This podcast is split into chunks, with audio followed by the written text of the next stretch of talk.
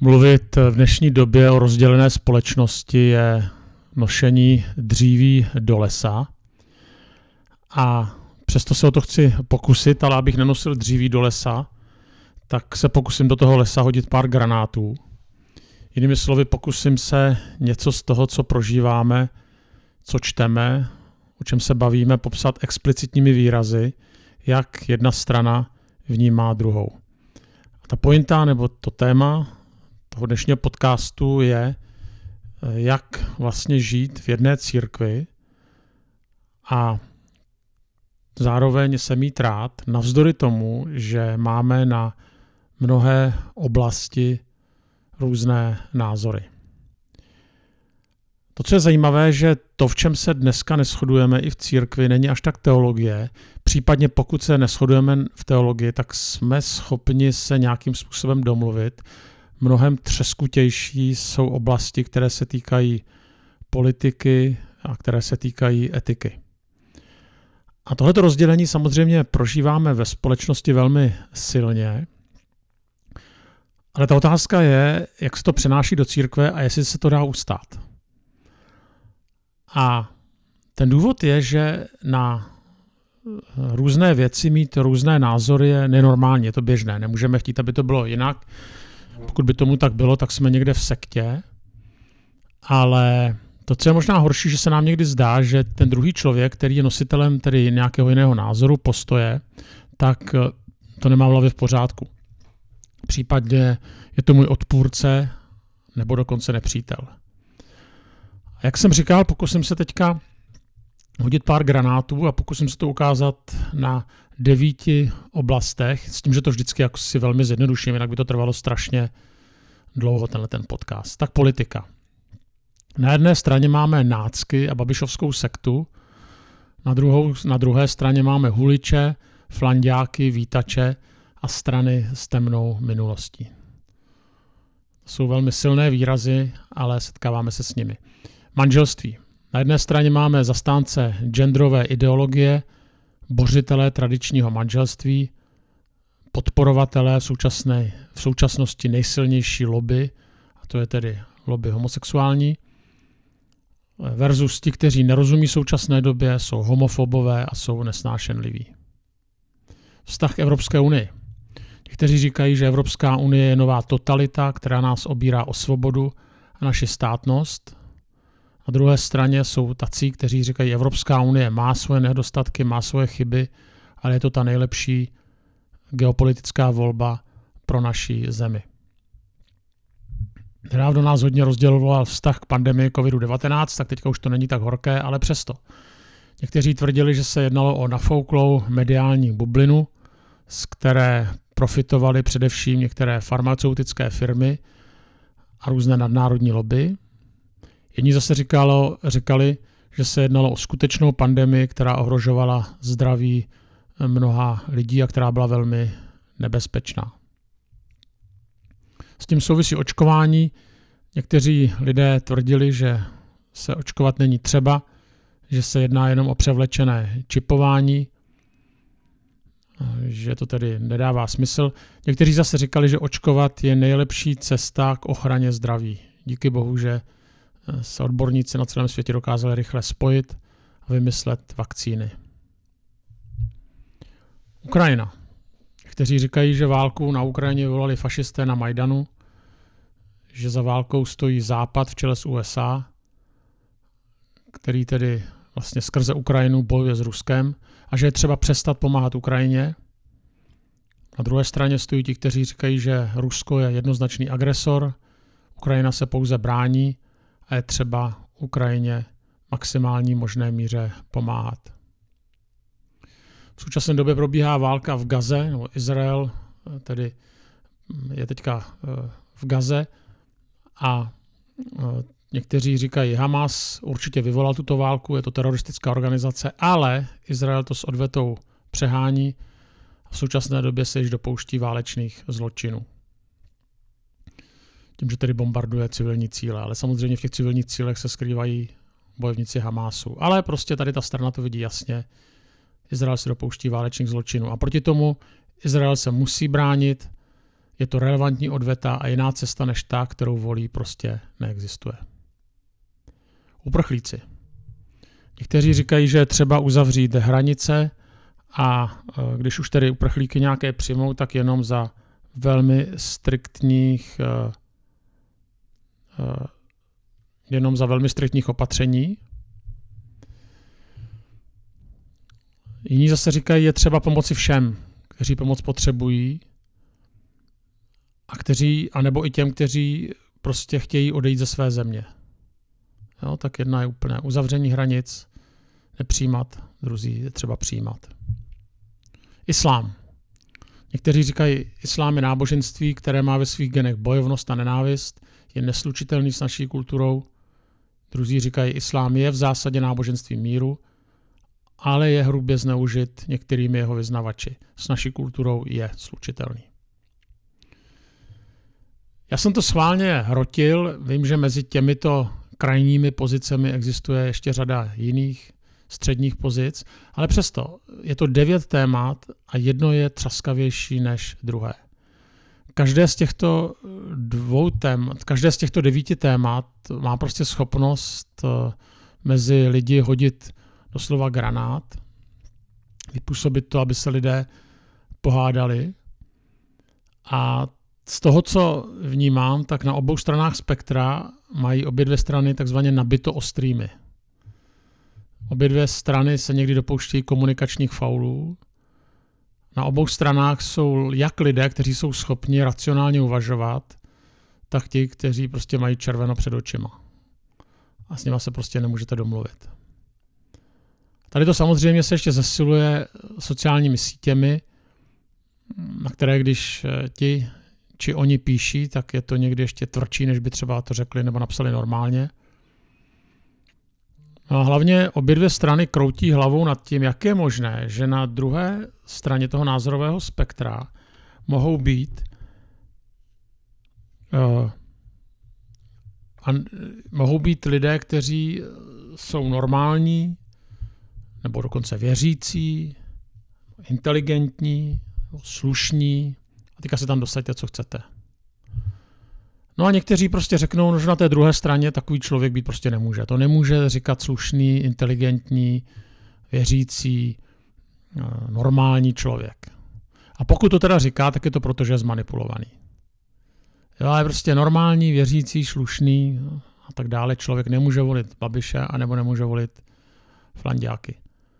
Jo, nemůže být zastánce eh, tedy manželství pro všechny, anebo naopak. Anebo naopak. Jo. Nemůže prostě tvrdit, že se nemáme očkovat, nebo naopak. Měl by říkat, že se máme očkovat.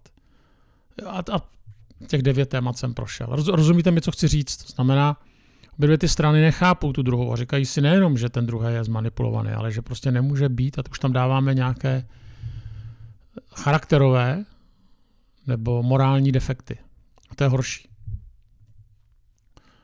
Samozřejmě pro atmosféru ve společnosti dlouhodobě je to devastující. A my to vidíme v celé Evropě, kde se to čím dál tím víc vyostřuje.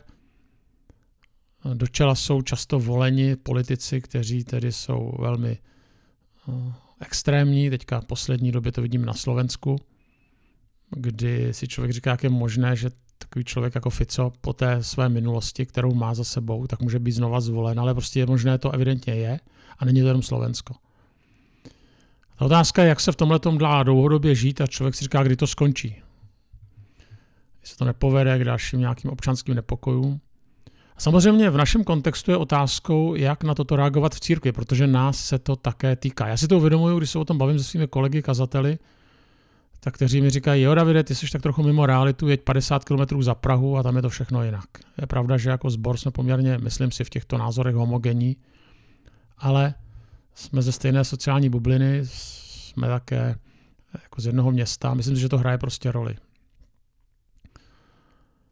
Možná si řekneme, no tady to do církve tahat nechceme, a to je v pořádku, když to církve netaháme. Církev skutečně není, jestli být nebo nebýt v EU. Na druhou stranu někdy se jedná o dost zásadní oblasti. Samozřejmě zásadní je spása, evangelium, ale prostě nějakým způsobem se nás týkají věci, jestli je hm, správné být pod vlivem Ruska, Číny nebo Evropské unie, jak ze sexuální výchovou na školách, kam chodí moje děti. Navíc mnoho zborů se zapojilo na, na pomoc Ukrajině a pokud tedy ta válka je mimo a agresorem nejsou Rusové, tak děláme to správně. Asi jako křesťané nemůžeme dost dobře nereflektovat dění v Izraeli. Nějakým způsobem se nás to také týká. Jo a teďka prostě, ano, něco nemusíme tolik reflektovat, ale něco prostě musíme a ono se nás to prostě týká, takže nemůžeme úplně to jako vypustit. A teďka tady já se pokusím v té druhé části tady toho podcastu najít takových nějakých zase x bodů, jak se k tomu stavět v církvi. Nebudu mluvit o společnosti, ale v církvi. První názor je, že nic z uvedených témat by se nemělo v církvi stát tématem číslo jedna. Eh, určitý náznak vidíme i u Ježíše, který se nenechal vtáhnout do mocenských her mezi Izraelem a Římem. A je třeba dodat, že ho tam lidé vtáhnout chtěli. Navíc církev je pro všechny a spojovat by nás měla společná vize, kterou je nést evangelium. To je vlastně to, co má dělat církev. Nebo společná vize, která je schrnutá ve velkém poslání v Matouši 28. Musíme si říct, že i v Ježíšově době bylo mnoho Fialů a Babišů a Okamurů, a teďka myslím oba dva, ty bratry. No. Dodejte si tam další jména, jenom se jinak jmenovali. Bylo mnoho filozofických škol, které byly hodně vzdálené Ježíšovu učení. Epikureismus, stoicismus a další. Gnóze. Ale prostě Ježíše neřešil. Aspoň to nemáme v evangelích. No a mimochodem, jenom tak teďka to řeknu s nadsázkou, docela by mě zajímal Ježíšův pohled na císaře Augusta, konkrétně na jeho známý problematický vztah k Senátu, jo, kdy na jednu stranu tedy ten Senát měl být záruka demokracie, ale Augustus si chtěl ponechat své absolutní práva, tak to bylo velmi problematické. A my to nevíme, jestli Ježíš nějaký názor měl. Ale jsem rád, že místo toho znám Ježíšův obecný pohled, tak přistupovat k vládní moci. Znáte to s tou mincí, že co je císaři, císaři, co je boží bohu. Jo, prostě, že, a, a že znám i jiné jeho názory, pohledy, než na to, jak se díval na politiku té své doby. Další, to neznamená, že nemáme mít názor na tu kterou věc. Jednak to úplně nejde a jednak prostě máme mít názor. Máme se zajímat. Zároveň bychom neměli rezignovat na to hledat svoje pohledy v písmu. Řada principů v písmu je a my můžeme některé věci rozsuzovat a je to dobře, když to děláme. Zároveň vašme, zda pohled na tu či onu oblast, etickou, politickou, geopolitickou, tak stojí za to, abychom spolu definitivně přestali mluvit, anebo se úplně rozešli. Já si myslím, že většinou ne, že je to škoda se kvůli těmto věcem rozcházet, ale zároveň někdy jiná cesta není. Prostě to spolu nedáváme. Když už ale k nějakému rozchodu dojde, tak se to může dít kultivovaně. Asi bych to řeš, hledal jako poslední řešení, ale i to může nastat, ale tak to aspoň dělejme kultivovaně. Dále někdy je dobré se domluvit, že v rámci dobrých vztahů prostě některé věci vytahovat nebudeme. Jo, prostě nestojí nám to za to, víme, že se na ty věci díváme jinak a tak je možná lepší to prostě nechat někde zasunuté a prostě to nevytahovat. Další, církev se nemá stát politickým kolbištěm, kazatelna se nesmí stát uh, politickou agitkou. K tomu jsou jiné kazatelny a jiné platformy. Skutečně politiku, ale i jiné tyto třeskuté témata si myslím, že bychom na kazatelnu tahat neměli. Dále doporučuji nehrát si na psychologii. A co tím myslím? Když má někdo jiný pohled než já, což samozřejmě je jasné, že tak bude, tak buďme opatrní na soudy, typu on si myslí to a to protože. A potom tam dáme nějaké negativní hodnocení, protože má komplexy, protože nerozumí světu, protože nemá vzdělání, protože chce zapůsobit na druhé. Jo, tady to by nám šlo, jsme v tomhle velmi rychlí, že hnedka vidíme do druhého. Ale pozor na to, jo, prostě do lidí nevidíme. Tohle to je třeba brát vážně. Dále dejme si práci slyšet druhou stranu. Já už jsem někdy to unavený, já to ani nečtu, jo, a čtu jenom nadpisy a závěr, ale někdy jsem unavený číst, a tomu říkám, utvrzovací články lidí, kteří jsou přesvědčeni o tom, jak jsou ve svých názorech otevření a liberální. To si totiž myslí jenom oni, oni nejsou. Nejsou ani otevření, ani liberální. Oni jedou ve svých vytvořených myšlenkových schématech a vzájemně se ve své sociální bublině utvrzují, jak jsou ti druzí mimo a jak oni jsou otevření a liberální. Prostě nedělejme to, nečtěme nebo nemluvme jenom s těmi, kteří tedy uh, nám potvrzují naši pravdu, ale zkusme si vyslechnout i druhou stranu. Možná to pro nás bude taky zajímavé. Obohacující, byť nebudeme souhlasit. Když už dále, dále, když už přicházíme s nějakým názorem, dejme si práci se zdrojema. Vybírejme pečlivě zdroje, ze kterých čerpáme. Já vím, že nic není stoprocentní. Na druhou stranu jsou skutečně řada zdrojů, které jsou prostě fake news. Eh, a já vím, že tady ta rada je sprofanovaná, ale má to smysl. Navíc je velká výhoda dneska, že když někdo neumí cizí jazyky, tak existují výborné překladače, díky kterým si dneska můžeme už leco z kvalitního přečíst. Já vím, že na to není čas vždycky většinou, ale přesto, pokud na to ten čas máme, zkusme to. Poslední rada. Já vím, že to je těžké, ale nositel jiného názoru by se neměl stát mým nepřítelem. Vím, že se to snadno řekne, ale hůře realizuje. Ale právě v tomhle by církev mohla být vynikajícím příkladem, že to jde. A že lidé, kteří jsou v letčem jiní, můžou být vedle sebe a následovat stejného Krista. A nebo se dokáží kultivovaně rozejít, ale přesto si požehnají. A tak bych nám tady k tomu přál hodně sil a hodně moudrosti.